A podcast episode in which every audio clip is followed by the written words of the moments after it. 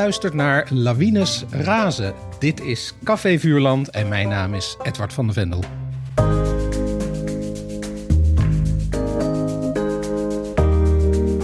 In deze podcast herlees ik klassieke kinderboeken met auteurs van nu. Hoe vers voelen de boeken nog? Wat voor auteur was er aan het werk? Dat en meer bespreek ik vandaag met de tekstdichters Jan Beuving en Bette Westera.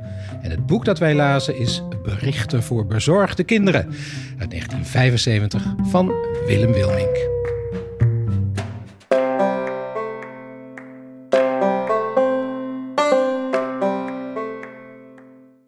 Bette en Jan, welkom. Fijn dat jullie er zijn. Kunnen jullie alvast een soort uh, eerste korte indruk geven, Bette, van je leeservaring? Ja, ik, uh, ik heb het gelezen en ik dacht, dit is nog volstrekt niet gedateerd op een paar woorden na misschien of zinnen. En het is heel dicht bij kinderen. Het stelt vragen en het geeft geen antwoorden. En daar werd ik wel blij van. Oh, wat goed. Nou, dat gaan we straks dan uitgebreid horen. Jan, wat, wat had jij eh, als idee? Het is een heel dun bandje van nog geen centimeter dik. En in mijn kast staat het hele dikke verzameld werk van alle dingen van Willem Wilmink.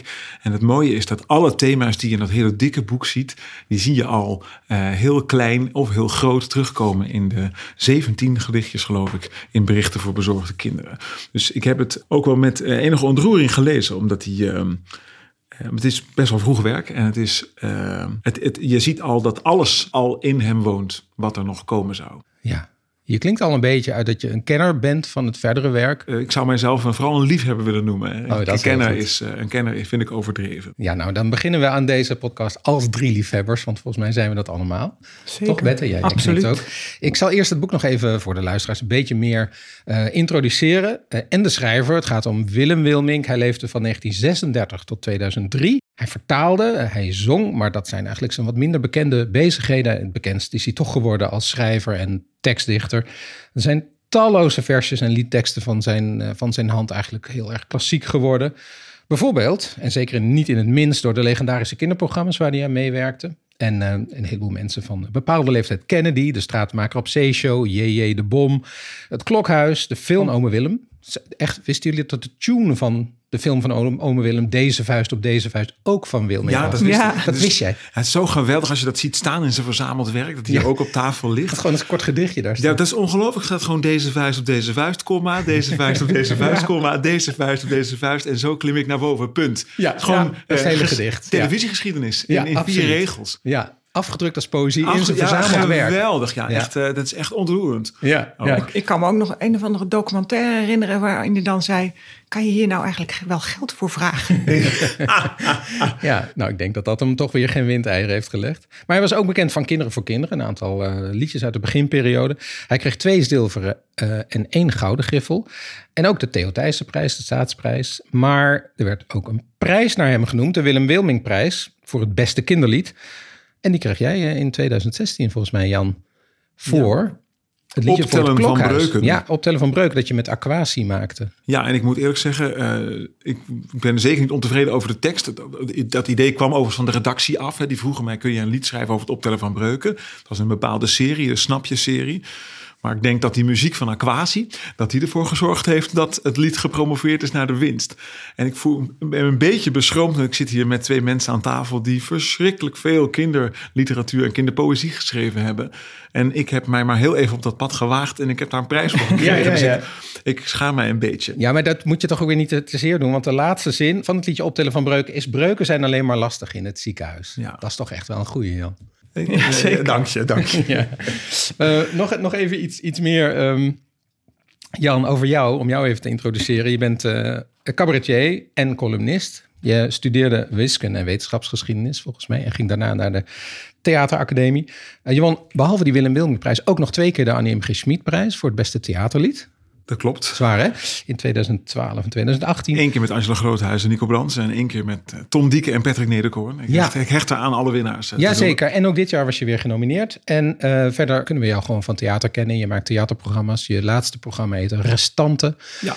Heeft het afgelopen seizoen gespeeld met In lockdown-onderbrekingen. getormenteerd eh, lockdown eh, seizoenen ook, ja. Ja. Maar ehm, het komt eh, nog weer 80 keer terug vanaf november. Ja. Vanaf september zelfs. Heb je ons net gelukkig verteld voordat we gewoon gingen beginnen. Bette, om even jou te introduceren. Op jouw website schrijf jij... dat je schrijft, dicht en vertaalt voor iedereen die van lezen, voorlezen en voorgelezen worden houdt. Dat betekent dat je juist ook aan het voorlezen komen misschien straks ook nog op uh, hecht. Zeker. Uh, en inderdaad, ja, dat schrijven, dat kun je wel zeggen. Sinds 1999 kwam er een stortvloed van kinderboeken van jou uit. Met heel veel succes. Daarnaast vertaal je heel veel. Jij kreeg zes zilveren en twee gouden griffels. En als je nou de gouden griffels die eerst zilver waren meetelt, dan ik weet niet of dat mag. Ja, volgens mij wel, want je mag ze houden. Dan mag je, oh echt waar? Die, die, die worden niet afgenomen? Nee, nee, zilver. nee, nee, die okay. mag je houden. Oh, dus je hebt eigenlijk dan acht zilveren en twee gouden. En die laatste kreeg je voor die twee gouden, kreeg je voor je grootste, grootste dichtbundels met tekeningen van Sylvia Weven, Doodgewoon en Uit elkaar. Waar je ook voor allebei die boeken de Woutertje Pietersprijs ook kreeg. nog eens. Ja, ja. Ja, we hebben het over het boek Berichten voor bezorgde kinderen. Um, ja, boek. Het is een heel dun bundeltje. Het is eigenlijk een soort ja, verzameling van zijn liedjes voor. Met name de Stratenmaker op Zeeshow, volgens mij. Je zou het nu niet meer uit durven te geven, waarschijnlijk. Nee, nee het is ook wel echt, echt heel erg lelijk uitgegeven. Vond je niet? Ja, dat wel. Met hele lelijke tekeningen. Ja, ik, ik, was al bang dat ik daar iets over zou nee, moeten ja, zeggen. Maar gelukkig doe jij het. Ja, ja, ja. ja, ik zocht nog wie ze, wie ze gemaakt had. Oh, ik zie het nu, ja. Ja, ik dacht misschien moeten we maar niet vermelden. Ja. maar, uh, nou, je vindt het heel lelijk. Nou, ik, ja, je moet het ook in zijn tijd zien, denk ik. 1975. Ja. Uh, dat ze überhaupt de moeite genomen hebben om mensen daarvoor te vragen... om, dat, om iemand te vragen om dat te, te illustreren. Dat is eigenlijk ook hartstikke mooi. Ja, op zich wel. Want uh, dit, kijk, Wil, Wilming was natuurlijk wel iemand die muziek en liedteksten eigenlijk uh, zag als poëzie.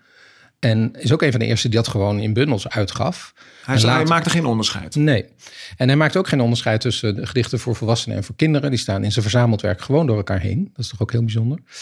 Maar deze, deze verzameling is. Ik heb deze gekozen. Ik had ook andere bundels kunnen kiezen om te herlezen. Omdat hij ja, een van de eerste is. Maar ook omdat een aantal van zijn grote, grote klassiekers uh, erin staan. Bette, waren er gedichten bij die jij al kende? Zeker, zeker. Ik, uh, ja, ik heb ook de, de, de CD-box meegenomen. Waarin heel veel liedjes uit de Stratenmaker op staan. En, en door de CD-box van Joost Prinsen. Een met, kop die je zelf niet bevalt. ja, geweldige titel. Ja, geweldige titel. Het staat niet op Spotify. Ik dacht, dat is wel jammer. Het is ook wel fijn dat er soms dingen niet op Spotify ja, staan. Ja, maar ik heb toch weer een CD-spelertje gekocht om die reden. Voor Joost, voor Joost Prinsen? Gekregen, moet ik zeggen. Oh ja. Ja. Nou, niet alleen voor Joost Prins hoor. Sommige dingen kun je gewoon toch niet meer vinden. Nee, dat is nee. waar. Ja. Maar nee, zeker. Dus een heleboel gedichten ken ik als liedje. Ken ik in de eerste plaats als liedje. En die las ik nu terug als gedicht. Ja. Kun je een voorbeeld geven? Freekie. Uh, ja, de... Freekie is een beetje... Nou, een paar jaar geleden ging De Wereld Draait Door nog een soort hommage... een heel seizoen lang brengen aan, uh, aan Willem Wilmink. En toen werd dat afgesloten met Kees Prins... die volgens Matthijs van Nieuwkerk zijn beroemdste kindergedicht zong. En dat was Freekie. Nou, volgens mij werd het echt afgesloten met Deze Vuist op Deze Vuist. Waar oh, iedereen echt? Ja, de hele ja. studio op elkaar... Dat is natuurlijk absoluut zijn beroemdste werk. Ja, dat is waar. Ja, ja. ja. Maar ik weet ook niet helemaal of die, uh, nou ja, tekst inhoudelijk daar net zo over tevreden, tevreden over was als over Freekie. Geen idee. Maar Freek, misschien moeten we... Ja, ja Freek is heel bekend, maar bijvoorbeeld het broertje vind ik eigenlijk nog wel zo'n mooi gedicht. Mijn maar, broertje, die kende ik ook als liedje het eerst. Ja. Uh, ik kende ook uh, dat van die boom, maar dat plassen, voor het bed plassen. Wacht even. Moeten we, moeten we, moeten we dingen voorlezen ja, voor de luisteraars? Ja, doen, want anders... Is... Um, welke wil jij... Mag jij de eerste keuze, Bette? Dan doe ik het broertje. En ik kan het bijna niet lezen zonder het in mijn hoofd als liedje te horen. Dus ik ga het nu proberen echt als gedicht voor te dragen. Mijn broertje. Ik heb een klein broertje met wit haar en een grote snottebel. Ik heb een klein broertje van twee jaar. En het is een leuk ventje, dat wel. Als hij stout is, krijgt hij weinig straf. Want hij is ook nog zo klein. Met mij loopt dat wel anders af. Ik moet verstandig zijn. Hij begrijpt er nog weinig van wanneer ik hem vertel dat hij niet met mijn speelgoed spelen kan. Maar het is een leuk ventje, dat wel. Hij maakt wel eens dingen van mijn stuk en dat is niet zo fijn. Maar het is ook nog zo'n kleine puk en ik moet verstandig zijn. Hij zit aan mijn mecanodoos en aan mijn voetbalspel. En soms is het wel erg hopeloos. Maar het is een leuk ventje, dat wel. Dat wel. Ja, wel dat einde. Maar deze ken je dan als liedje. Maar waarom is dit nou een van je favorieten? Ja, ik vind dat hij zo mooi uh, die twee emoties in één gedicht vangt. Ja, alles, dat, dat wel zegt gewoon alles. Ja. Dat wel. Maar ik, je hoort toch ook uh, hoe hij hier dat kind zijn ouders nalaat praten? Ja, is absoluut. Ja. Ja, Jij moet verstandig zijn. Ja.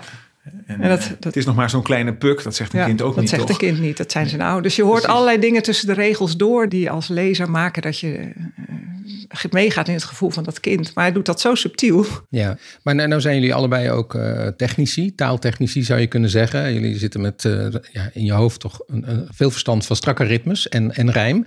Eh, ik had hier bij één zin dat ik dacht, ja, daar moet nou net één woordje uit. Ja, Oh, dat heb je toch wel veel vaker bij heb ik heel vaak. Maar bij Wilming, ja, er is een heel mooi voorbeeld in het boekje. We kunnen misschien straks naar kijken. Waarin die eerste strofen heel strak zijn.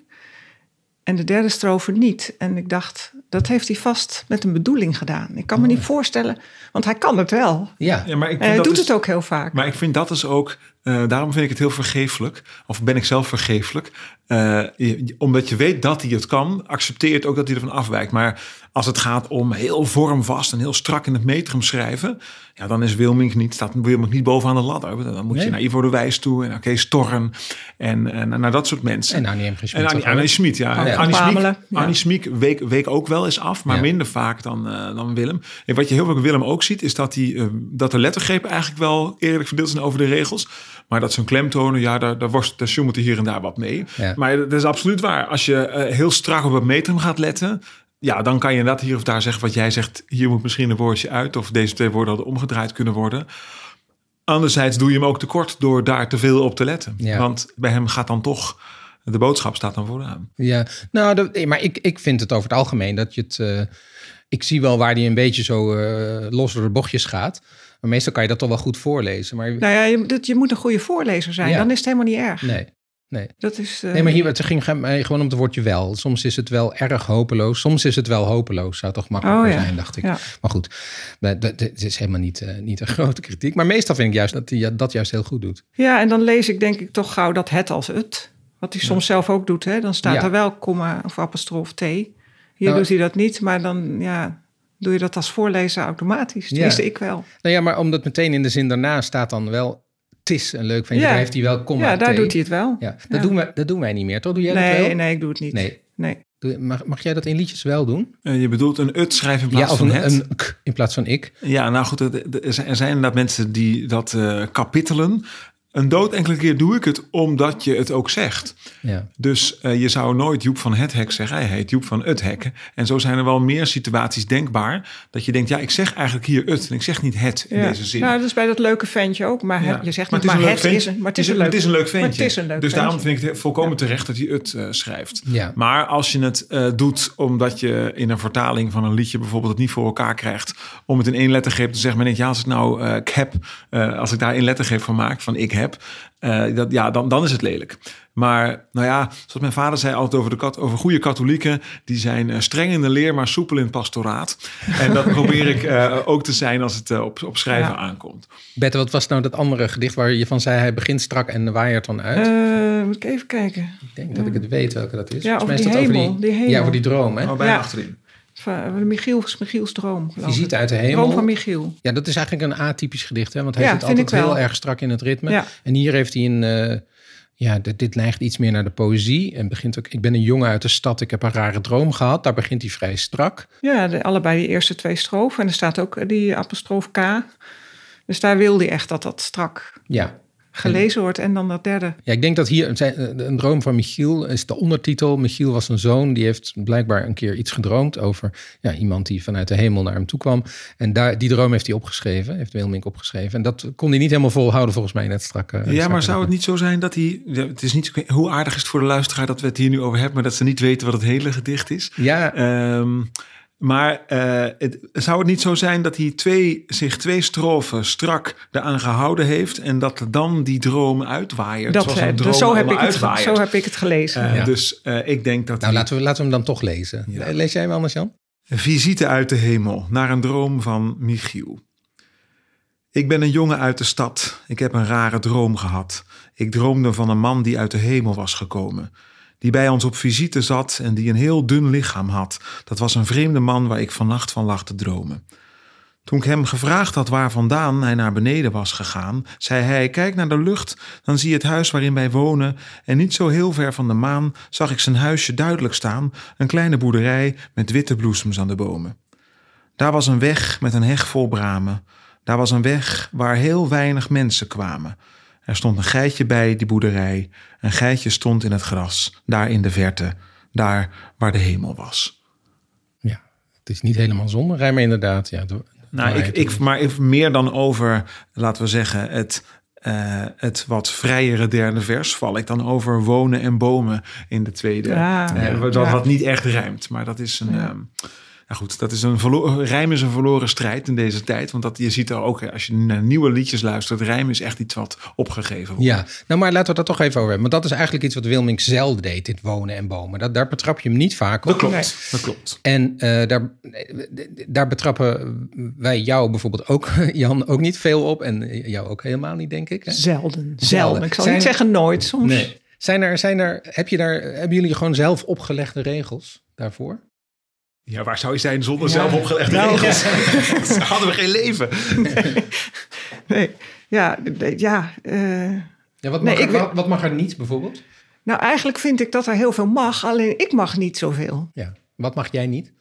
En, en- en wonen en bomen, daar zou ik heel lang over nadenken. Net zolang tot ik iets, een alternatief had gevonden. En als het me niet lukt en ik ben heel tevreden over de inhoud en, en eh, over de klank, dan sta ik het mijzelf wel eens toe. Ja.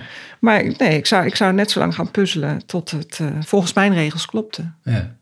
En Ja. dat, dat gepuzzel is ook, dat is, ik vind dat leuk. En een ander ding van aan dat rijm hangen is ook dat het me soms op ideeën brengt waar ik anders nooit op gekomen zou zijn. Echt niet. Nee. Omdat je in je hoofd mogelijke ja, dan heb ik een mooie zin hoort. en dan denk Ja. ik, ah ja, nee, dit, dit is een mooie zin, die moet gewoon staan. Nee, die wissel ik niet in. Ik heb zes andere die ik ook kan doen, maar dit is de mooiste. Dus ik moet een oplossing vinden. En dan neemt het gedicht een wending waarvan ik denk, nou, zou ik anders nooit opgekomen zijn en dit is gewoon goed. Ja, Ja. je knikt, jij kent het ook. Heel herkenbaar, Ja. heel herkenbaar. Van A tot Z. Maar andersom heb je toch ook, tenminste dat herken ik dan weer, eh, dit, precies dit, maar ook dat er gedichten of liedteksten stranden, omdat er gewoon echt geen rijmwoord is. Ja. Heb je dat niet zo? Ja, kan. Dan moet het weg. Ja, ja. Maar Ivo de Wijs zegt dan altijd... ja, je moet een Sinterklaasgedicht ook niet beginnen met... voor Ati kocht de Sint een leuke puzzel... want dan heb je een probleem. Nee, nee. Ja. dus, eh, Ja. Nee, en we schrijven ook geen gedicht over de herfst. nee, Ja. nee, ja, goed. eh, Maar, maar Jan, heb jij, eh, wat, wat, wat vind jij echt voor jezelf? Nou, ja, voor mij is... ik, ik, ik ben eh, groot geworden in de school van eh Dr. Hans P., eh, Ivo de Wijs eh, en Kees Storm. Dus eh, in het gestanste rijm... waar met hele strakke eh, metra... met eh, heel precies metrum ook... heel vaak dezelfde regellengtes ook... En ik ben door Jurian van Dongen, een van onze grote liedschrijvers, die heel erg geïnspireerd is door Wilmink ook, maar eh, een soort Sondheim, Nederlandse Sondheim variant van Wilmink is geworden. Sondheim, een grote Amerikaanse songschrijver. Ja. Jurian schrijft bijna alle liedteksten voor het Klokhuis nu bijvoorbeeld, heeft Wilmink daarop gevolgd. En Jurian heeft mij echt op de Koningstheateracademie in Den Bosch uit dat hele strakke repertoire getrokken en zegt: ga nou ook eens de andere kant op eh, verkennen. En dat ben ik wel steeds meer gaan doen. Ehm, en voor mij is eh, het, het rijm is heilig. Dus sjoemelen met rijm, dat doe, dat doe ik niet. Maar ik wijk wel steeds vaker af van die hele strakke metrumvorm. Maar het kan bijvoorbeeld ook zijn dat ik een, een bepaald idee heb. Dat schrijf ik dan op. Dan heb ik een eerste couplet. Dan zeg ik, dit is mijn mal. En nu moet het tweede couplet moet exact zo als het eerste couplet In die mal vormgegeven passen, worden. In ja. die mal passen. Met, de, met het rijm op dezelfde plekken. En als het vrouwelijk rijm is, dat is in twee lettergrepen. Eh, jongen op zongen, dat is een vrouwelijk rijm. En man op kan, dat is een, een mannelijk rijm. Eh, of hinderen, kinderen, dat is dan een onzijdig rijm zelfs. Dus als ik dan één keer dat vastgelegd heb, dan hou ik dat zo. En dan kan je wel eens denken, nou, dan doe ik nu een brug of een refrein. Dan kan je even een andere, Ja. andere vorm schieten. En, maar dan is het altijd fijn om ook weer terug te schieten in die oorspronkelijke vorm. En de ene, George Groot, ook een groot liedschrijver, die eh, zei ooit... Op het eind mag alles. Dus eh, misschien dat Wilming dat ook wel een beetje in zijn hoofd had bij dat eh, lied over de hemel. Ja, op het, op het eind ben je toch aan het eind. Dus een extra regeltje of eh, nog een extra gedachte. Dat, dat kan allemaal, want dan zijn we toch bijna bij het eind. En zeker als je een lied schrijft, dan weet je ook... oh, de muziek moet daar toch gaan afronden. En ja, anders heb ik het eind van een couplet als einde van het lied. Dus als ik daar twee Ja. regels bij schrijf, dan weet ik ook dat de componist ruimte heeft om eh, wat een eind van een couplet was, eh, tot een eind van een lied te vormen. ja. En je zegt uh, rijm is heilig. Ja, dus dat wil zeggen, en da- daarmee bedoel ik dat je niet rijk rijmt. Eh, Zongen rijmt niet op gezongen, want dat is allebei zongen. Ehm, en eh, jongens rijmt niet op boerenjongens. Eh, dus dat, dat, dat is, noem je rijkrijm, ook wel Frans rijm of riemeriche genoemd. Ehm, dus dat, rijm is een klankovereenkomst vanaf de laatste beklemtoonde lettergreep. Dus akker op stakker bijvoorbeeld. En uh, je mag dus, ik mag niet rijk rijmen en ik wil dus ook nooit dat het bijna rijm is. Schijnrijmen, zoals bijvoorbeeld wonen op bomen. Dat sta ik mijzelf niet toe. Uh, en ik probeer ook altijd heel goed op te letten of ik niet in één theaterprogramma twee keer hetzelfde rijm heb. Dat lukt lang niet altijd. Als je dertien liedjes in een programma hebt, dan zijn we. Maar ik maak altijd, als ik zo een beetje klaar ben, maak ik een enorme lange pagina, pak ik een A3-vel en dan schrijf ik alle rijmen van het hele, van het hele programma schrijf ik op. En dan kijk ik altijd, komen ze niet vaker dan twee keer voor. Uh, ja, dus... Geweldig. Dat je... Maar mag ik dan één vraag over één liedje van jou? Eh, met één, één rijmwoord uit één liedje van jou. Dan oh, vraag ik me dan af, past dat dan binnen jou? Dat vond ik namelijk oh. heel goed gevonden. Tangens. Uh, het liedje heet Tangens. Je legt ja. er de Tangens uit. Weet je dan meteen wel? je gaat streng naar de gangers. Ja. ja, de Tangens en de gangers. Uh, de Tangens is in principe, uh, die zegt tangens, zou je schrijf je. En je zou dus Tangens zeggen, maar niemand zegt Tangens. Mensen zeggen Tangens. Uh, dus uh, Ivo de Wijs heeft wel eens gezegd... Kijk, Dr. Anders P. was heel puristisch als het ging om... Die heeft op een goed moment zelf de school aangehangen... dat je OU niet op AU mag laten oh, rijmen. Ja. Uh, en Ivo zei altijd... ja, daar is, zijn, daar is zijn werk niet beter van geworden. Maar Ivo heeft wel eens gezegd... je kunt prima rijmen als ik op de pampa sta... met een mond vol tandpasta. Ja. En, want niemand zegt tandpasta. Je zegt tandpasta. Je zegt ook schildpad. Je zegt niet schildpad. Nee. Uh, ik, ik, ik, wil wat met die schildpad. Dus ik vind tangens en uh, tangens rijmt voor mij datzelfde lied ook op verlangens. Maar laten we zeggen, je hebt jezelf je regels op, op, op te leggen. Maar je mag natuurlijk best laten zien dat dingen niet kaarsrecht zijn. je, je kunt tangens als tangens uitspreken en op verlangens laten rijmen. Maar je kunt tangens ook uitspreken als tangens. Uh, of als tangens. En dan kun je weer rijmen op mens en op flens. En uh, de, de tangens en de ganges. Maar, dus dat, dat, dat, dat vind, ik, vind ik prima. Ja, dus omdat je namelijk daar laat zien ik heb nu het gevoel dat ik me er ergens uit aan het lullen ben. Maar nee, het, nee, nee, het was ook helemaal geen aanval. Ik vond het juist zo briljant. Ja, nee, dus maar, Tangens is nou eenmaal op meerdere manieren uit te spreken. En ja. daar kan je dan best gebruik van maken. Bette heeft een beroemd gedicht waarin je de Lidl op afwasmiddel laat ja, rijmen. Ja als je dat dan letterlijk ziet, dan denk je dat, is, dat klopt niet helemaal. Maar als je het hoort, klopt het helemaal. Ja. Maar ik heb wel eens een keer een lied over supermarkten geschreven. Omdat namelijk in Nederlands cabaret gaat het altijd over de Albert Heijn. Dus ik zei, ik weet niet hoeveel liedjes waarin de Albert Heijn voorkomt. Dus ik heb een keer een lied geschreven waarin alle andere supermarkten oh, beruimd werden. De, de, plus. Maar toen heb ik Lidl inderdaad een keer op middel, maar ook op Riedel laten. Ik hoop de hele Riedel ja, bij de, Lidl. Lidl. Ik, wat, ik, wat zeg je nou, Lidl of Lidl? Ja, de Lidl. Ja, dus dat, is dan, dat is dan leuk. En dan kun je dan, dat is net als die tangens en, en de tangens. Dat kan je gewoon uh, uitspreken zoals je wil. Ja, prachtig. We waren eigenlijk nog een beetje bezig met de favoriete gedichten. Bette heeft er één genoemd. Kan jij er eentje zeggen, Jan? Uh, nou, er, zitten een lied dat mij zeer dierbaar is, omdat ik het gewoon ken als lied van, van vroeger, van een bandje in de auto. Dat is dat lied over uh, de buurmeisjes. Ik moet even nadenken uh, ja. hoe dat precies heet. Buurmeisje heeft visite. Heet buurmeisje dat. heeft visite. het is een dun bundeltje, maar je bent toch aan bladeren waar het staat. Ja, tweede helft. Een wraakgedicht. een wraakgedicht. Het is heel beroemd, maar het, het idee is... Ik zal het eerste um, couplet is... Mijn buurmeisje is mijn grote vriendin... en ze heeft een tuin, daar spelen we in... dat ik vadertje was en zij moedertje was... of ik lag zogenaamd ziek in het gras... en zij was de dokter die mij onderzocht... of wij hadden samen een zeilboot gekocht. En dan komt het... Nu is er een meisje bij haar bezoek... ja, die ken ik ook wel, die woont om de hoek... nu spelen die twee en ik mag er niet bij... die trutten, die hebben geheimen voor mij... En ik ben alleen en ik sta bij de heg en ik hoop dat mijn buurmeisje hoort wat ik zeg. Rotmeid, rotmeid, heb je bezoek. Rotmeid, rotmeid, pis in je broek. Rotmeid, rotmeid, krijg pijn in je kies. Ik zal je poppen met hun stomme koppen op zolder verstoppen. Ik poep een drol in je speelgoedservies.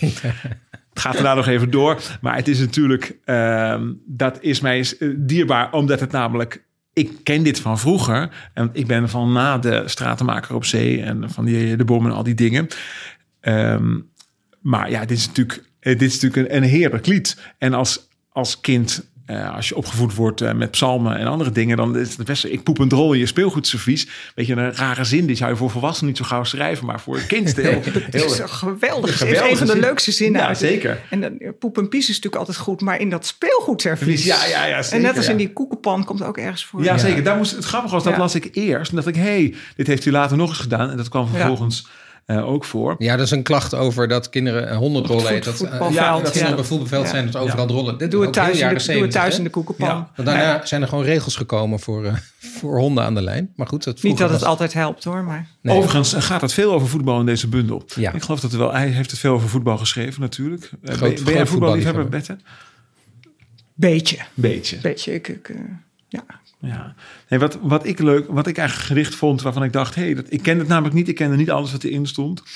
Eh, dat is het gedicht Dat overkomt iedereen wel. Mag Ja, ik het ja, voorlezen? Ja, of tuurlijk, niet? ja. Naar een idee van Aard Staartjes. Ik moet je even wat gaan vertellen, dus kom eens dichterbij. Het is lang geleden, ik was een jongen, net zo oud als jij. Ik stond in een bos, in een heel mooi bos, en plaste tegen een boom. En dan werd ik wakker van de schrik, want het bos was maar een droom. Dan had ik in mijn bed geplast en was bang voor de volgende dag dat ik weer mijn pyjamabroek aan de waslijn hangen zag. Aan de waslijn mijn pyjamabroek en de lakens van mijn bed. En ik dacht, dat zien mijn vriendjes ook. En dan hebben ze grote pret. En weet je waarom ik het zo naar en zo verdrietig vond? Ik dacht dat ik de enige was die zoiets gebeuren kon. Want als je aan een jongen vraagt: heb je dat ook wel, man? Dan zegt zo'n jongen altijd nee. En meestal liegt hij dan. Want Pietje Keizer en Johan Cruijff, die overkwam dat wel. En ook Epi Drost en Van Hanegem en Rinus Israël. Dus plas je weer eens in je bed, geef je moeder dan een zoen... en zeg maar, er zijn er wel meer hoor, moeder... die dat s'nachts per ongeluk doen. Heb je dan ook niet meteen de, de, de puzzelneiging om in dat, dat ene coupletje met die voetbalnamen van toen, om daar voetbalnamen van nu van te maken? Oh nee, dat, die neiging had ik niet. eh, Want het zijn namelijk allemaal iconische namen in Ja. de Nederlandse voetbalgeschiedenis. Wel heel leuk dat ik dacht, eh, Israël en wel, dat rijmt net. Dat is hartstikke goed. Eh, en dat vind ik dan ook heel leuk dat die rijmt op die voetbalnamen. En ook heel leuk dat dat voetbal hier dus zo het lied binnenfietst. Eh, en ik ben zelf een notoire, of notoren, wat zeggen we, bedplasser geweest op mijn negentiende. Ik heb heel lang in bed geplast. Je 19 Eh, tot mijn. 19. Ja, Ja. Ik, ben, ik ging ook niet mee op introductiekamp voor mijn studie. Nee, in het begin, ik dacht, ja, daar heb ik geen zin in. Achteraf, het was een wiskundestudie, er waren er wel meer misschien. Eh, dat weet ik niet. Maar ik herkende ook heel erg, ik ging wel dan als welp mee op welpenkamp met de scouting. En dan had ik in mijn bed geplast, 's nachts in de tent. En dan hing mijn slaapzak de volgende dag te drogen aan een waslijn tussen twee Oh. bomen. En dan had mijn moeder zo in die slaapzak gehaald. Dit is de slaapzak van Jan Beuving. Oh, nog. Zodat iedereen kon zien dat het mijn slaapzak was. Dus ik, dat, dat herkende ik heel erg. En ik vind het dan heel leuk dat, eh, dat hij hier dan een, een lied over schrijft. Overigens vind ik het technisch hier... Ja, eh, hij, even, even los van het, eh, het rijm tussen aanhalingstekens vond en kon. Maar dat hij zegt, eh, heb jij dat ook wel man? Ja, dan Ja, zie je gewoon heel erg dat, hij naar het, dat hij naar het rijm toe eh, Ja. werkt. Dat dacht Maar- ik ook, ja. Het, ja, ik weet niet waarom. Wat ik net ook al zei. eh, ik vergeef het hem toch. Eh, omdat ik... eh, hij schrijft hier ook bijna spreektaal natuurlijk. En het ook- moet denk ik ook niet vergeten... dat deze liedjes gezongen werden door volwassenen... die eh, kinderen... Ik weet niet of dat in de stratenmaker op Ja, zee ook was. Speelden ze, de speelden ze kinderen ook. Ja. In, want bij de film van Oom Willem doen ze dat heel sterk ook. Ja. Edwin Rutte is natuurlijk een groot kind in die film van Ome Willem. En ehm, dat was bij de Stratenmaker op Zee misschien eh, ook wel zo. Dus het is ook natuurlijk een, een manier van zeggen en spreken om, eh, om dan een beetje te heb, heb jij dat ook wel, man? Dan zegt zo'n jongen altijd nee en meestal liegt hij dan. Dus ik vind het meer dan ermee wegkomen. Ik snap heel goed dat je eh, voor een, bepaalde programma's in een bepaald, eh, bepaald idioom kunt komen waarin dat vaker voorkomt dan als je bijvoorbeeld een theaterlied schrijft of als je een bundel schrijft over mensen die uit elkaar gaan of over de dood zoals jij veel gedaan hebt Bette, dan ja dan ik zal niet zeggen iets gewijds, maar er komt natuurlijk wel iets eh, dat er een zekere eerbied voor het onderwerp komt. En dit zijn geen eerbiedige versjes die in dit Nee. eh, ding staan. Dus het mag best een beetje, best een beetje Losjes. schobber de bonk zijn. Ja, nou, het is goed, denk ik, even om Willem Wilmink en deze gedichten in de tijd te plaatsen. In de, in, eigenlijk in de geschiedenis van de Nederlandse kinderpoëzie. Eh, dit werd inderdaad geschreven voor de Stratenmaker op Zeeshow destijds. Daar kwam het in voor. Er waren drie acteurs, Joost Prinsen, Aardstaartjes en Wieteke van Dort. En die speelden soms volwassenen, soms kinderen. was een beetje wisselend. Maar vaak, als ze die liedjes zongen, ja, dan ging dat natuurlijk vanuit een kind. Want zo schreef niet alleen Wilmink, het werd geschreven door een collectief van zes schrijvers. Wilming schreef er veel voor. Maar tot die tijd hadden we eigenlijk, eh, als we het over kindergedichten hebben, los van de, wat er in de 18e en 19e eeuw was gebeurd, hadden we vooral Annie M. G. Schmid natuurlijk gehad. En die had vooral ja, eigenlijk fantasy, zouden we dat nu noemen. Hè, dus fantasiefiguren, draken, prinsessen en eh, nog andere verzonnen figuren. Niet zo specifiek, laten we zeggen, de psychologische kindergedichten. Daar is uh, Willem Wilmink eigenlijk mee begonnen. En dat, is, dat was echt wel een grote revolutie. Was hij de eerste in Nederland die dat deed? Ja, eigenlijk samen met Hans Ik Dorrestein. denk het wel. Karel Eijkman. Karel Eijkman ook. Eh, Die ontstonden een beetje, die zaten ook alle, alle dat drie in dat collectief. schrijverscollectief. Ik denk dat, daar heeft hij ook wel eens wat over verteld, dat de, de reden om dat te gaan doen was in eerste instantie dat ze gevraagd werden voor televisie. Ehm, maar toch ook wel omdat ze heel erg vanuit een kind wilden schrijven. En opeens, en dat, dat had ook met de, de pedagogiek van die tijd te maken, het kind centraal wilden stellen. En op, een, op een andere manier naar kinderen wilden kijken. Ehm Bette, hoe zie jij jouw werk in die traditie? Ik ben heel erg grootgebracht met Annie M. G. Schmid. En daar heb ik denk ik ook mijn sterke eh, rijm- en ritmebehoefte aan te danken. Dr. Hans P. trouwens ook. Het was de Annie M. G. Schmid, Dr. Hans P. Ivo de Wijs kwam later. En eh, ik denk dat ik heel erg in de geest van Annie M. G. Schmid begonnen ben ooit. Lang voordat ik publiceerde ook. Met gelegenheidsgedichten en eh, voor mijn eigen plezier. En in opdracht van voor de schoolkrant enzovoort. En dat ik langzamerhand steeds meer de behoefte kreeg om meer vanuit de beleving te schrijven. Van kinderen. En daar zijn die Stratenmaker op Zee en Klokhuis enzovoort liedjes prachtige voorbeelden in geweest. En hoe ze mij dan precies hebben beïnvloed, weet ik niet. Kinder voor kinderen, was dat ook? Ik weet, Ja, ik niet zat, ik helemaal- heb, ik heb, eh, toen ik dat, dat begon. ja, toen waren mijn kinderen klein. En eh, het begintijd van Kinderen voor Kinderen deed, gebeurde dat ook. Het is Ja. nu een heel ander verhaal, laten we het daar niet over hebben. Maar eh, Kinderen voor Kinderen was voor mij een soort mix tussen eh, maatschappij kritisch en eh, vanuit de beleving van kinderen en assertief. Er waren En dit is liedteksten geschreven dus- door bekende tekstdichters op idee van kinderen. Begin jaren 80 Ja. ontstaan. Ja. Ja, maar er waren ook prachtige liedjes bij over, van, van Koos Meinert bijvoorbeeld. Ja. Die De- wel de een beetje. ja, Ja, precies. die wel een beetje in het. Nou, de kerstezel ligt heel erg in het verlengde Zeker. van wat Willem Wil, Wilmink hier Samen met Harry Jekkers, denk ik, dat lied? Ja, Of is dat klopt. van Koos? Ja. En dan, ja, wat, wat ik zo mooi vind, nog even terug naar het gedicht van het eh, bedplassen en de boom. Dat hij dan eindigt met dus plas je weer eens in je bed, geef je moeder dan een zoen en zeg maar, er zijn er wel meer hoor moeder die dat wel eens doen. Dat het niet die moeder is die zegt kind, er zijn er wel meer. Maar dat kind dat zegt tegen die moeder, dat het kind die moeder troost. Ja, dat vind ik dan zo'n geweldige vondst. En wat ik heel levensecht vind, is dat je staat te plassen tegen een boom. en Ja. Dat je eh, Heel ik, weet, ik, herkenbaar. weet- ik heb zelf heel veel in bed geplast. Ik weet dat zo ging het altijd. Ja. Eh, dat je dan zo wakker werd en dat het nog helemaal warm was. Omdat je gewoon meteen, eh, eh, dat je meteen wakker werd. Je wordt dan toch een denk beetje van schrik wakker. ben ik Dat er je- toch, je voelt toch weer nattigheid. weet je Ja, wel. Ja. verraden door je droom. Ja, ja. Ja. zeker. Nee, dat Ja. was altijd met, met een grote rivier en eh, een Oh, dijk doorbraken. ja. Dat was verschrikkelijk. Ja, verschrikkelijk, ja goed. Mijn moeder heeft me op een goed moment wel geleerd hoe de wasmachine werkt. Zodat ze niet meer altijd ja. zelf... eh, Ja. Bette, toch, toch nog even over die, die Even traditie. terug, ja. Er is natuurlijk toch ook een tijd geweest dat eh, de, de poëzie zich een beetje afkeerde van, de, van het verwoorden van gevoelens van kinderen. De kinderpoëzie keerde zich daarvan af. Eh, ging heel erg naar de vrije verzen toe, naar de vrije vorm toe. En grote namen waren erin Remco Eckers, Leonard Witvliet, eh, Ted van Lieshout ook zeker. En jij bent eigenlijk toch een hele grote eh, dichter van daarna met, met, met een uitgebreid oeuvre, maar toch, toch eerder familie van Wilming, denk ik, dan van Witvliet. Ja, ik wil het wel graag kunnen hoor. Ja. Dat, die, die, die- soms probeer ik dat om dat, om die, om dat eh, rijmen, dat ritme los te laten. En dan eh, ben ik even bezig en dan komt er een mooie zin. En daar volgt dan nog weer een mooie zin op waarvan ik denk, hé, zie je, nou doe ik het. Nou ja, oké, oké dan. Oké, Rijn, Het- daar gaan we het- dan weer. Daar gaan we ja. dan weer. Het is te mooi om het niet te doen in dit geval. Of voelt het als vals spelen? Nee, nee, nee, zeker niet. Nee, nee, nee. Want er zijn ook, ik, ik, schrijf ook wel voor rubrieken in, eh, in het onderwijs waarin ik het wat vaker doe. Maar ja, je, je kan binnen die grenzen die je jezelf oplegt ehm, heel goed in die belevingswereld van kinderen blijven. Ik bedoel, het bijt elkaar niet. Nee. En ik vind het fijn, mooi, het leest lekker voor. Eh, je, je kan het niet fout voorlezen, dat vind ik ook, hecht ik ook aan. Nou ja, je kunt het zelf niet fout voorlezen. Je hebt Ja, vast wel maar als- Sinterklaasgedichten gemaakt eh, die dan vervolgens voorgelezen Ja. Dat je dacht, oh help, ik had er zo'n mooi metrum in geschreven. Ja, precies. Maar dan slaan ze vaak een woordje over of zo. Ja. En dan zeg ik, moet ik niet zeggen, maar dan zeg ik, dat staat er niet. Ja, maar met rijm en metrum stuur je eigenlijk heel erg de voorlezer. Je stuurt de voorlezer. Ja. Dus En dus je stuurt de eh, verstaanbaarheid ook, zeker bij een lied. Ja. bij een lied ook, bij een zeker. lied is, is, Ja. is, is de rijm heel belangrijk voor de verstaanbaarheid. Omdat mensen weten, oh, het moet ongeveer daar op rijm. Oh, dan dat is dat woord.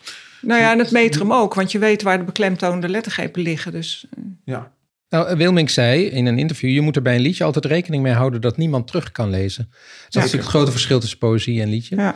Uh, maar de, zo, ik denk dat zo jouw gedichten ook wel in elkaar zitten. Dat je toch, er is een logische opeenvolging, het verhaal. Ja. Als er een verhaal is, wordt het eigenlijk logisch verteld. Toch? Ja, zeker. Maak je het ook, maak je jouw werk ook om vooral uh, oraal te, te, te, laten, te laten horen, om het vooral te laten horen? Dat speelt wel mee. Ik, ik heb altijd de voorlezer in gedachten. Ik laat het mezelf ook altijd door de computer voorlezen, hoe blikkerig en uh, onaangenaam het ook klinkt. Maar, door de computer? Ja. Ja, dat kan. Oh, de, gewoon in Word Gewoon. heb je dan een functie? Heb je een functie die Oh, het... eh, ja. Dan ga je niet zelf voorlezen? Ja, ja, ook. ook, Ja, ja, ja. ook. Maar om te, om te controleren of het eh, klopt. En Ah. gewoon ook of er geen woordjes overgeslagen zijn hoor. Het is heel handig voor het vinden van je eigen typfouten. Maar ook toch om eh, ja, het, het terug te horen zonder dat ik het zelf voorlees. Want- Mm.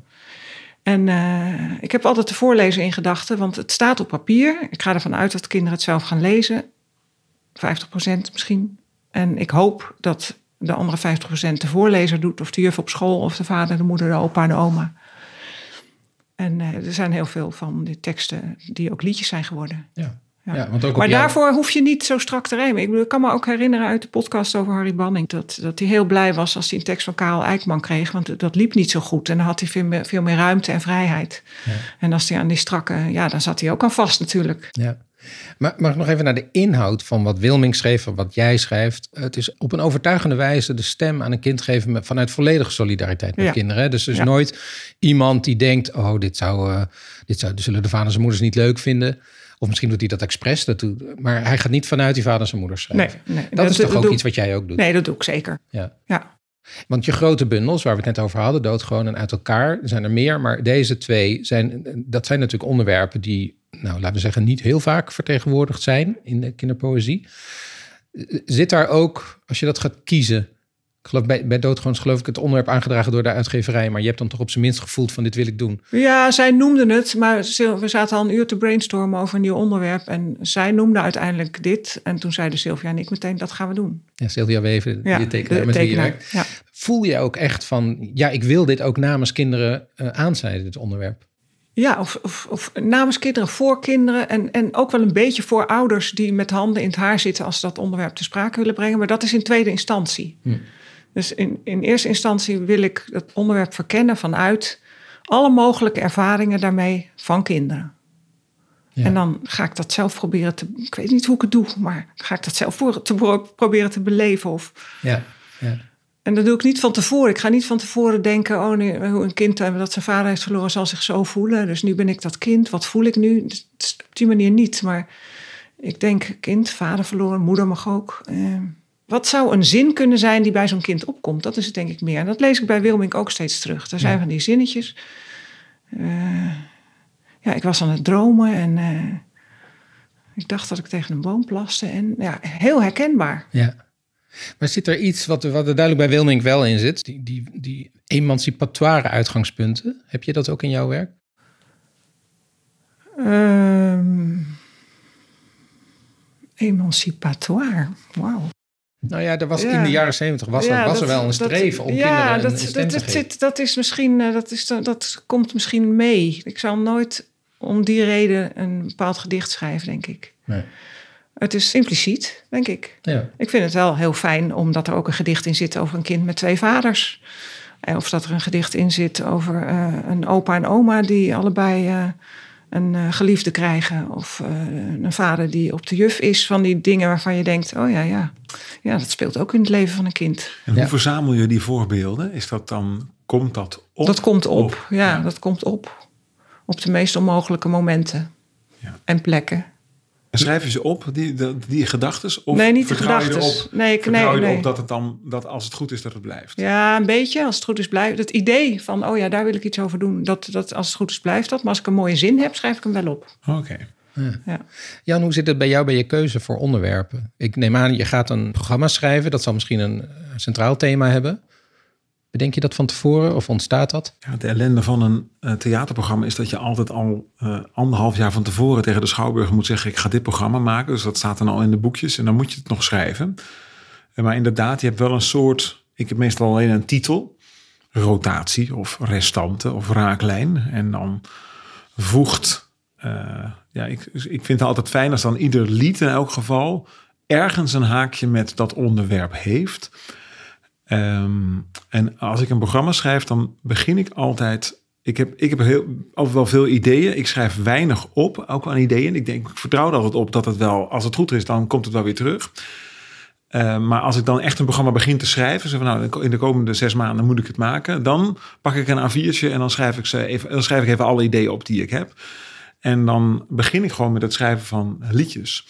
En soms word je ineens door een idee aangeraakt. Of je leest iets en denkt, oh, maar dat is een mooie invalshoek om, uh, om zo tegen... Ik las gisteren was ik een gedicht van Remco Kampert, die gestorven is. En uh, dat begint geloof ik met lieve jas. En dacht ik, oh, maar dat is mooi zeg, dat je een, een voorwerp aanspreekt. Dat moet ik doen. Ik ga een keer een lied schrijven over een vrouw die het tegen de stoel in haar keuken heeft. Hm. En zeg, je hebt vast wel gemerkt aan hoe ik de theedoeken over jullie schouders hing, dat het wat minder met me ging de laatste dagen. Dus hoe kom je aan ideeën? Ideeën komen wel. Um, de vraag is, hoe filter je? Dus voor zo'n programma inderdaad ben ik wel eh, telkens aan het zoeken van wat, wat, wat mis ik nog en wat, wat kan erin. Je kunt bij een programma niet eh, zeven liefdesliedjes achter elkaar zingen. Althans, niet bij mijn programma. Het kan natuurlijk wel, maar dat is niet het soort programma dat ik maak. Um, dus, en ik, ik, wist, ik wist al af, denk, nou, ik heb nu drie vrij zware liedjes, maar ik heb ook licht materiaal nodig in de voorstelling. Moet ook af en toe ook gelachen worden. En Um, ja, dan kan ook een, een lied van zes strofes van vier regels met maar één eindgrap erin, kan dan meer dan genoeg zijn als de muziek een beetje vrolijk is. En als je maar onderhoudend vertelt, uh, dan maakt het helemaal niet uit dat er maar één grap op het eind in zit. Dat geeft helemaal. Mensen moeten gewoon heel even. Uh, Erik Vlasblom, grote componist, heeft ooit gezegd tegen mij: uh, Je hebt altijd luchtige salades in het programma en je hebt zware gerechten. En de zware gerechten, daar hebben de mensen na afloop over. Maar als luchtige salades er niet waren, dan zouden ze die zware gerechten niet kunnen verteren. Precies, ja. En uh, dat is denk ik, als ik jouw bundel, uh, heet die doodgewoon? Nou, ik zat er net aan, dit is ja, een doodgewoon precies hetzelfde. Ja, ik, dus dat, dat, um, daar, ja. dat, die heb ik dan toevallig uh, in de kast staan en gelezen. En daar, daar gebeurt natuurlijk hetzelfde in. Soms dan is het in één keer, dan, maar je kunt niet iedere keer met die dolkstoot komen. Nee. Je moet soms ook met het veertje even, even aaien. Ja. Hoe zit dat met de keuze voor... Um, geëngageerde onderwerpen. Ik, ik, ik wil even wat, wat liedjes van jou noemen. Um, je, je, hebt net, je was net genomineerd voor die Annie M. Schmidprijs um, ehm, voor dit Je Hoop Het Wel. Geschreven dat, voor Richard Groenendijk. Ja, met muziek met, van Rutger de Bekker. En dat heeft zo'n mooi einde dat, ik, dat we dat niet weg kunnen geven. Want vind nou, het staat niet... overal op YouTube, dus je kunt het op zich... ja, heel... maar mensen moeten gewoon het liedje gaan luisteren natuurlijk. Okay, hè, want dat bouwt prachtig op. Ook muzikaal bouwt het prachtig op. Maar het geeft eigenlijk een stem aan uh, iemand in een klein dorpje. Een bakkersvrouw eigenlijk in, in een klein dorpje die uh, geconfronteerd wordt met twee mannen die gaan trouwen in plaats van een man en een vrouw die gaan trouwen. En ze moeten een bruidstaart daarvoor maken. Ja, en zij vindt dat prima, maar ze denkt, hoe gaat mijn man die de taart moet bakken dat ooit doen? En ja. dan zegt ze tegen de man die om die taart komt vragen, weet je wat, we doen alleen jullie initialen, dan, dan, dan doet hij het wel. Ja. Uh, het is overigens waar, waar het, verhaal is waar gebeurd, met Richard Groenendijk zelf. Ja. Ja, dan blijkt dat het christelijke dorp waarin die bakker staat uh, zich toch begint te roeren als die vrouw een foto van die bruidstaart met die twee mannen in de etalage hangt. Ja. Ja, en, en, en, dan gaat het niet verder. Dan gaat het niet verder. Ik, zal, ik, zal, zal de rest ik vind dat zo mooi als je het luistert dat je opeens die laatste zinnen krijgt. Maar een ander voorbeeld. Je hebt een vervolg op de Troubadour gemaakt van Lenny Koer. Dat lied in jouw versie heet dan Residu daar heb je eigenlijk uh, lang voordat de pandemie was, heb je zowel een overstroming als de pandemie voorspeld. Dat is correct. Ja, ja. echt ongelooflijk. Uh, je hebt ook een lied gemaakt over uh, eigenlijk de slachtoffers van de toeslagenaffaire. Dus er zijn een aantal liederen in jouw oeuvre die ja, wil, heel duidelijk met de tijdgeest te maken hebben. Is dat dan toeval? Zijn het opdrachten? Of wil je dat? Nou, zo'n lied als Re Residu, dat gaat over de laatste mens ooit op aarde. Een vrouw die op de rot staat met het water aan de lippen. En die nog, nog als laatste mens uh, het water kan overzien. En ik wilde dat doen, omdat ik dacht, oh, die vrouw die zingt natuurlijk. En die zingt op het eind, uh, zingt ze precies de... Even moest een vervolg op de troubadour zijn. En zij zingt dan op het eind precies dat uh, la la la dat ook in de troubadour zit. Um, Kijk, en ik heb dan hetzelfde wat Bette net vertelde. Je begint aan zo'n lied. En je hebt wel ongeveer in je hoofd, het gaat zo, die vrouw die staat daar, dat water stijgt. Ik moet gewoon beschrijven hoe dat water stijgt, de gedachten van die vrouw. En ik moet vertellen hoe ze daar terecht gekomen is. Maar ik moest toen gaan vertellen in een soort vier of vijf coupletten ongeveer uh, hoe het allemaal zo gegaan was. En toen kwam ik eigenlijk automatisch, ik denk bijna in misschien wel door een rijm, rijmdwang, of ik dacht, oh ja, het moet nu die kant op. Bedacht ineens, oh, ik kan er best infietsen dat uh, op een goed moment de eerst allemaal dictators aan de macht komen. En dat er op een goed moment ook nog een heel besmettelijke ziekte overheen komt. Dat is overigens iets wat je heel erg vaak ziet uh, bij rampen. Dat er ook dat er de difterie begint te heersen of iets anders. Of polio. Dus dat, dat, dat stapelt. Is dat dan geëngageerd? Nou, het is in die zin geëngageerd. Je hebt dan gezien op het journaal ooit dat in bepaalde tentenkampen dat daar dan bepaalde uh, ziektes rondgaan. Omdat daar de hygiëne niet goed op orde is. Dus je vult het dan in. Uh, maar dat was, laten we zeggen, dat een half jaar later de coronacrisis zou komen. En dat ik daar in een soort, een soort nieuwe pest voorspeld had in dat lied. Ja, dat is een, een kwestie van uh, life imitates art. Ja. En bij, bij de toeslagenver, die heet Die Geur. Dat is inderdaad een heel geëngageerd lied. Maar dat gaat ook daadwerkelijk. De toeslagenaffaire werd heel erg groot vlak daarna. Uh, maar het was natuurlijk al heel groot en heel dramatisch daarvoor. Uh, en vooral Patrick had zich heel goed ingelezen in dat dossier. En, de, degene voor wie het schreef. Ja, Patrick Nederkoorn. Ja. Um, en muziek van Tom, Tom Dieke. En uh, Patrick had zich heel goed ingelezen in dat uh, genre. En het was Tom die zei, we zouden eigenlijk een beetje een brelachtig lied voor Patrick moeten hebben. Want die kan dat heel goed. En toen zei ik, oh, dan kan ik wel een lied schrijven over een deurwaarder... Uh, die zich beklaagt over het feit dat hij geld moet gaan halen... met mensen die dat geld niet hebben. En omdat Patrick ze er goed in ingelezen had, had ik er ook wat over gelezen. En ja, dan uh, begin ik gewoon. Maar dat is niet live imitates art. Dat is gewoon echt omdat ik al wist dat dat vreselijk uh, was. Dus uh, je moet uh, je oren en ogen open houden. En je kunt soms schrijf je een heel geëngageerd lied dat echt zo gewoon, nou ja, zoals die geur, dat echt gewoon meteen het onderwerp aanpakt. Maar je kunt natuurlijk ook laten sluimeren in een, in een bijzin of in, in, in één coupletje even laten doorschemeren van hier uh, resoneert iets van die, nou bijvoorbeeld in dat lied een residu, dat vervolgt de troubadour.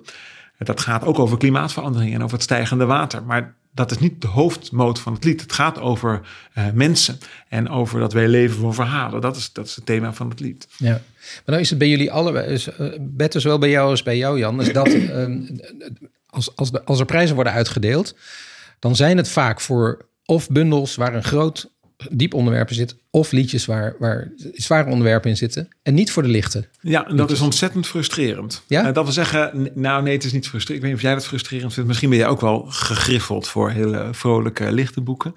Ja, nou ja, kijk, een, een boek rondom een groot thema is ook gewoon van zichzelf moet al veelkleurig zijn en gevarieerd. En, en uh, ik denk dat die prijzen daar ook mee te maken hebben. Nou, maar... Dat je, dat je zo'n thema van heel veel kanten belicht. Kees Toren heeft wel eens enigszins gefrustreerd. Die won de Annie Smitprijs voor het lied Streepjescode. Kees heeft verschrikkelijk veel heel erg grappige liedjes geschreven. Ja, nou, dat gaat, dan is het één lied, hè? Dat is één lied. Ja, precies. Anders die, dan een bundel. Die, ja, precies. Maar die wonnen nooit. En hij zei, ja, als ik grappige liedjes instuur, dan winnen ze. En ik heb het zelf ook. Ik stuur heel vaak grappige liedjes in voor de Annie Smitprijs. En die worden nooit genomineerd. het zijn altijd maar weer die, die lappen waarin, uh, waarin dan een serieus thema aangehaald wordt. En er zou eigenlijk ook een Dr. Anders P. trofee moeten komen voor het lichte lied. Ja, daar ben ik. Uh, ja, daar, dus, daar gaan we voor. Ja, dus uh, we hebben al een Wilmingprijs voor het beste kinderlied. De Annie Smitprijs voor het beste theaterlied van het jaar. Uh, maar het beste lichte lied. Ja. Uh, dat, uh, en dan dat ook door zijn. de leeftijden heen. Hè? Mag voor kinderen Ja. zijn, mag voor volwassenen Zeker, zijn. nee, absoluut. Ja, nou, nou, nog één ding over een soort van engagement. Namelijk een, een quote van Wilming. Wilming zei, schrijven is de kunst spreekbuis te zijn van dat wat er leeft onder de mensen. Want kunst is een geneesmiddel. En hij zei daar ook nog bij, dat vind ik een hele mooie zin. Uh, we spreken ook weer over de jaren tachtig. Zonder Simon Carmichelt, schrijver uit die tijd die lichte columns schreef, zaten er nu in Amsterdam tien mensen van de Centrumpartij, rechte, uh, zeer rechte partij, in de raad in plaats van één. Dus als Carmichelt er niet was geweest, dan was rechts, extreem rechts en nare ideeën veel sterker vertegenwoordigd. Is dit nou heel erg idealistisch of gewoon heel erg historisch? Of eigenlijk zit de vraag hieronder, denken jullie dat jullie werk iets uitmaakt, dat het een geneesmiddel is? Uh,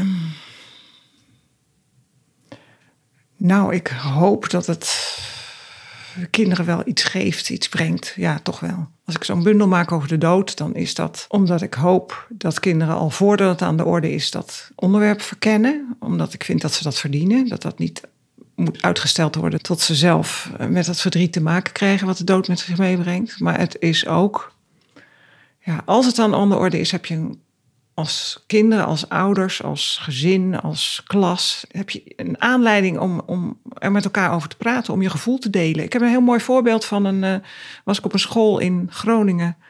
En daar deed ik een voorstelling en uh, daar deden we het liedje Poes Minoes. Nou, dat is ongeveer voor mijn gevoel het lichtste liedje uit het boek.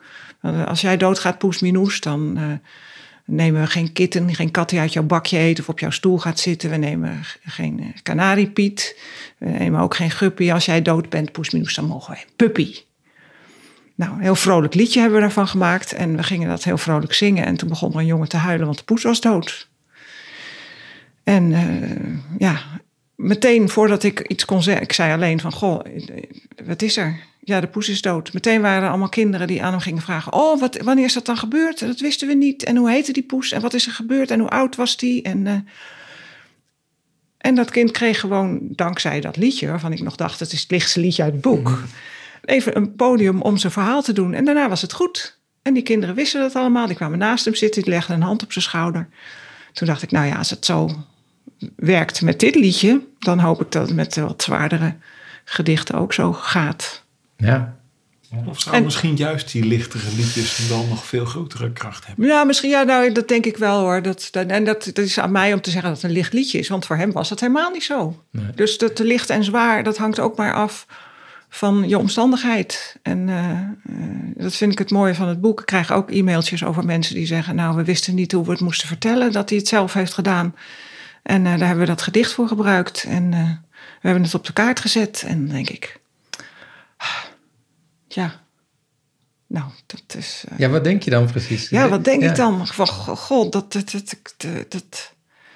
Ik denk niet zoveel. Ik voel alleen maar een. Uh, maar anders dan Carmichael. Voldaan gevoel eigenlijk. Maar anders dan Carmichael, die natuurlijk een column in de krant had. Die ja. heel breed gelezen ja, had. En, en jij daar... natuurlijk meer een soort mosterdzaad-imperium. Nou ja, en dat is ook... Ik zou, ik zou het geen maatschappelijk arrangement willen noemen nee, of zo. Dat maar, is anders. Het is een ander soort betrokkenheid. Maar het is wel heel erg vanuit, wat, wat zei Wilmink ook weer? Het zijn met, een geneesmiddel. Een kunst is ja, een spreekbuis te zijn van dat wat er leeft onder de mensen. Ja, onder de kinderen. Een spreekbuis, dat, zo voel ik dat meer. Ik wil graag een spreekbuis zijn voor dat wat leeft onder kinderen en uh, als, als die gedichten dat zijn, dan zetten ze dingen in gang waar ik niet meer bij ben en uh, waarvan ik meestal niet meer weet of hoor. En soms krijg ik een e-mailtje en dan denk ik, ja, zo had ik het boek bedoeld. Dat ja. denk ik dan eigenlijk, ja, zo ja. was het boek bedoeld. Ja, en dat is eigenlijk meer waard dan uh, vijf sterren recensie misschien wel. Zeker, dan, dan zeker.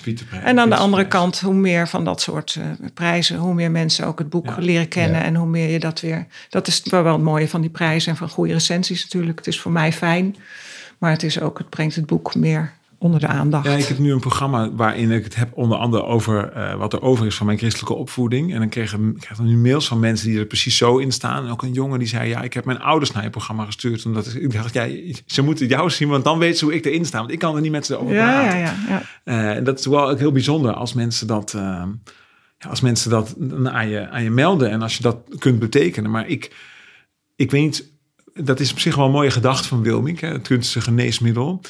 Maar ik schrijf niet om een geneesmiddel te zijn. Nee, nee, nee. nee. Waarom schrijf jij? Nou, die spreekbuis vond ik wel een mooi woord. Dat, uit, uit dat citaat van Wilming. Waarom schrijf ik? Ja, vooral omdat ik niet zou weten wat ik moest doen als ik niet mocht schrijven. Aan de andere kant, als ik geen opdrachten zou krijgen of niet echt schrijver zou zijn, en, uh, dan zouden er, uh, denk ik, ook geen ideeën. Er komen wel veel ideeën, maar dan zou ik niks kiezen. En nu weet ik, oh ja, ik wil iets gaan doen over dit dat onderwerp.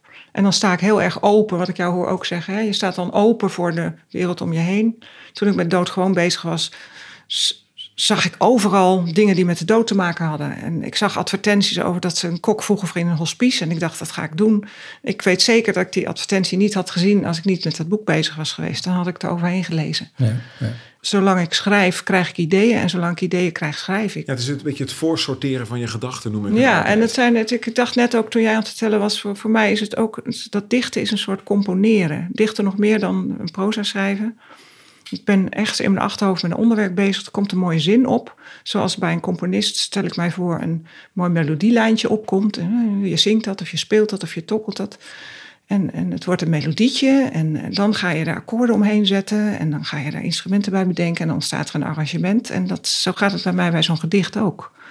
Het, het, het, uiteindelijke gedicht is eigenlijk een arrangement bij een heel klein melodielijntje wat begon met één zin.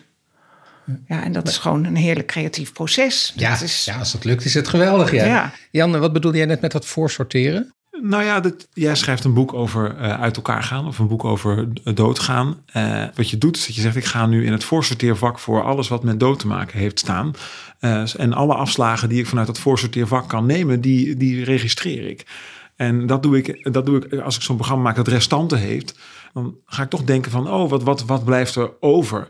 Maar ik heb, er zit ook een lied in over eh, dat ik eh, als enige van mijn generatie nog een vaste telefoonlijn heb. Eh, en dat is, dat is dan weer een luchtige salade.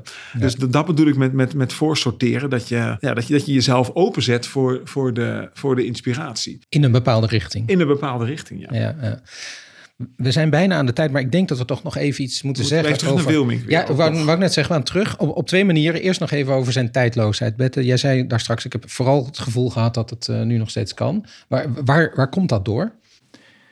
Doordat het eh, universele gevoelens en, en belevingen van kinderen zijn, volgens mij.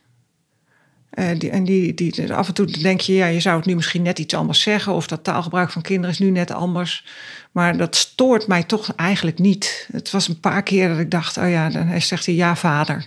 Nou, een kind zegt nu meer- niet meer ja, vader, die zegt ja, papa. Ja, ja. Maar ja, het is ook zo, voor mij is het ook een beetje nostalgie natuurlijk. Om die liedjes terug te horen is in ieder geval no- nostalgie. En eh, je kan het nog steeds lezen, je kan, Kan het nog nog steeds mooi voorlezen. Je kan het nog steeds, voor, kinderen verstaan het nog steeds. Ik heb nu kleinkinderen, eh, eentje van bijna zeven. Ik denk, als ik dit voorlees, dan...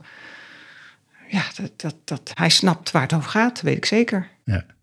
Zullen we nog één om te besluiten? Zullen we één rondje voorlezen? Dat we allemaal nog eentje Heb voorlezen? jij ook mijn vriendje David ja, dat gepakt? is mijn Oh, allerliefste. dat was mijn lievelings. Ja, dat, dat wou was ik, heb echt- het ook, ook, ik heb het dus ook al opengeslagen. Dat is dus echt ons lievelings. Wie mag hele voorlezen? Eh, dat- Maar dat is wat ik zo. Jij hebt nog geen gedicht voorgelezen, dus jij mag het Ja. wel voorlezen, Edward.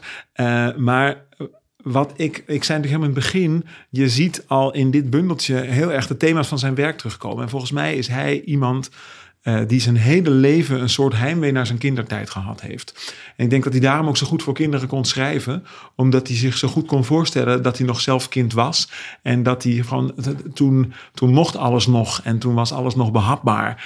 En ehm, je, ja, je, en dat zie je eigenlijk in zijn taal ook altijd terug. Ook als hij voor grote mensen schrijft. Hij, hij kon natuurlijk met, Wilming eh, kon met de allerkleinste woorden de allergrootste gevoelens vangen. Hij had geen, had geen dure taal nodig eh, om, om hier of daar te komen. En hij kon daarmee ook nog, en dat vind ik ook heel knap.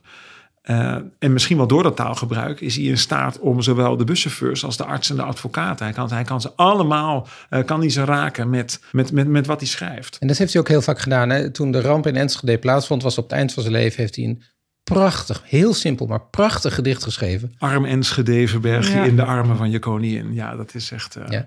Maar eh, hij zei zelf nog over, over ja, die, die invloed vanuit de kindertijd. En, en ik denk dat we dat nog moeten zeggen. En dan lees ik eh, mijn vriendje David voor, misschien om mee te eindigen. Hij zegt, je kan je kindertijd herdenken uit weemoed om het verloren geluk. Maar ook omdat je op zoek gaat naar een verloren gegane waarheid. En die verloren gegane waarheid, die vind je volgens mij steeds in de, in de beste gedichten terug. En zeker in dit gedicht. Het is een gedicht. Het heet Mijn vriendje David. Het is een klassieker van, eh, van Wilmink. Hoewel het niet bij de aller, allerbekendste gedichten hoort. Nee, ik denk het ook niet. Maar het is voor mij echt eh, een gedicht waar, nou, wat misschien wel een van de redenen is geweest om te gaan schrijven, om te gaan Och. dichten. Ja, nee, het is echt een heel belangrijk gedicht, altijd geweest. Eh, ik vind het ook heel ontroerend. Dit is het gedicht en daar, eh, daar gaan we dan misschien mee eindigen. Ik heb in de vakantie een vriend gehad. Daar ging ik haast elke dag mee op pad. En we leenden elkaar onze boeken. En s'morgens werd ik wakker van steeds datzelfde heerlijke plan om die vriend weer op te gaan zoeken. Zo zijn al die dagen voorbij gegaan. En toen brak de laatste ochtend aan dat wij elkaar nog zagen. Nou ja, gewoon. De vakantie was om. En wij vergaten zo stom, zo stom elkaars adres te vragen. Soms in mijn bed, met mijn ogen dicht, lig ik te proberen of ik zijn gezicht kan vinden in mijn gedachten. Het lukt me nooit. Maar vandaag in de klas wist ik plotseling weer precies hoe die was. Precies hoe die praatte en lachte. Dat zal ik onthouden. Nog heel erg lang. Hoop ik tenminste. Want soms ben ik bang dat ik na een heleboel jaren hem tegen zal komen. En hij stelt zich voor. En ik stel me voor. En we hebben niet door dat wij die twee vrienden waren. Oh. Kunnen wij wel zo eindigen?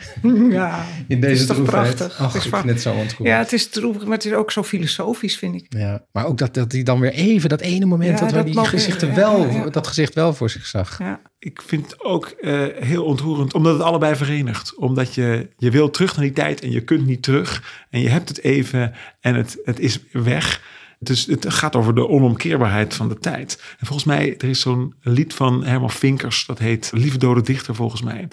En het gaat over Wilmink en het gaat over eh, de reis naar Sint-Brandaan. En eh, nou ja, uit de tijd bent Willem, nu kun je weer andersom. Eh, hij, zegt, hij zingt het in Twents, veel mooier dan ik het hierna vertellen kan. Ehm, maar dat, die, dat het jongetje eh, altijd maar eh, botst met, met, met de autoriteiten. En als hij dan groot is, kan hij niet meer terug naar het jongetje. En ja, misschien verpest ik nu het einde van deze Nee, podcast. nee.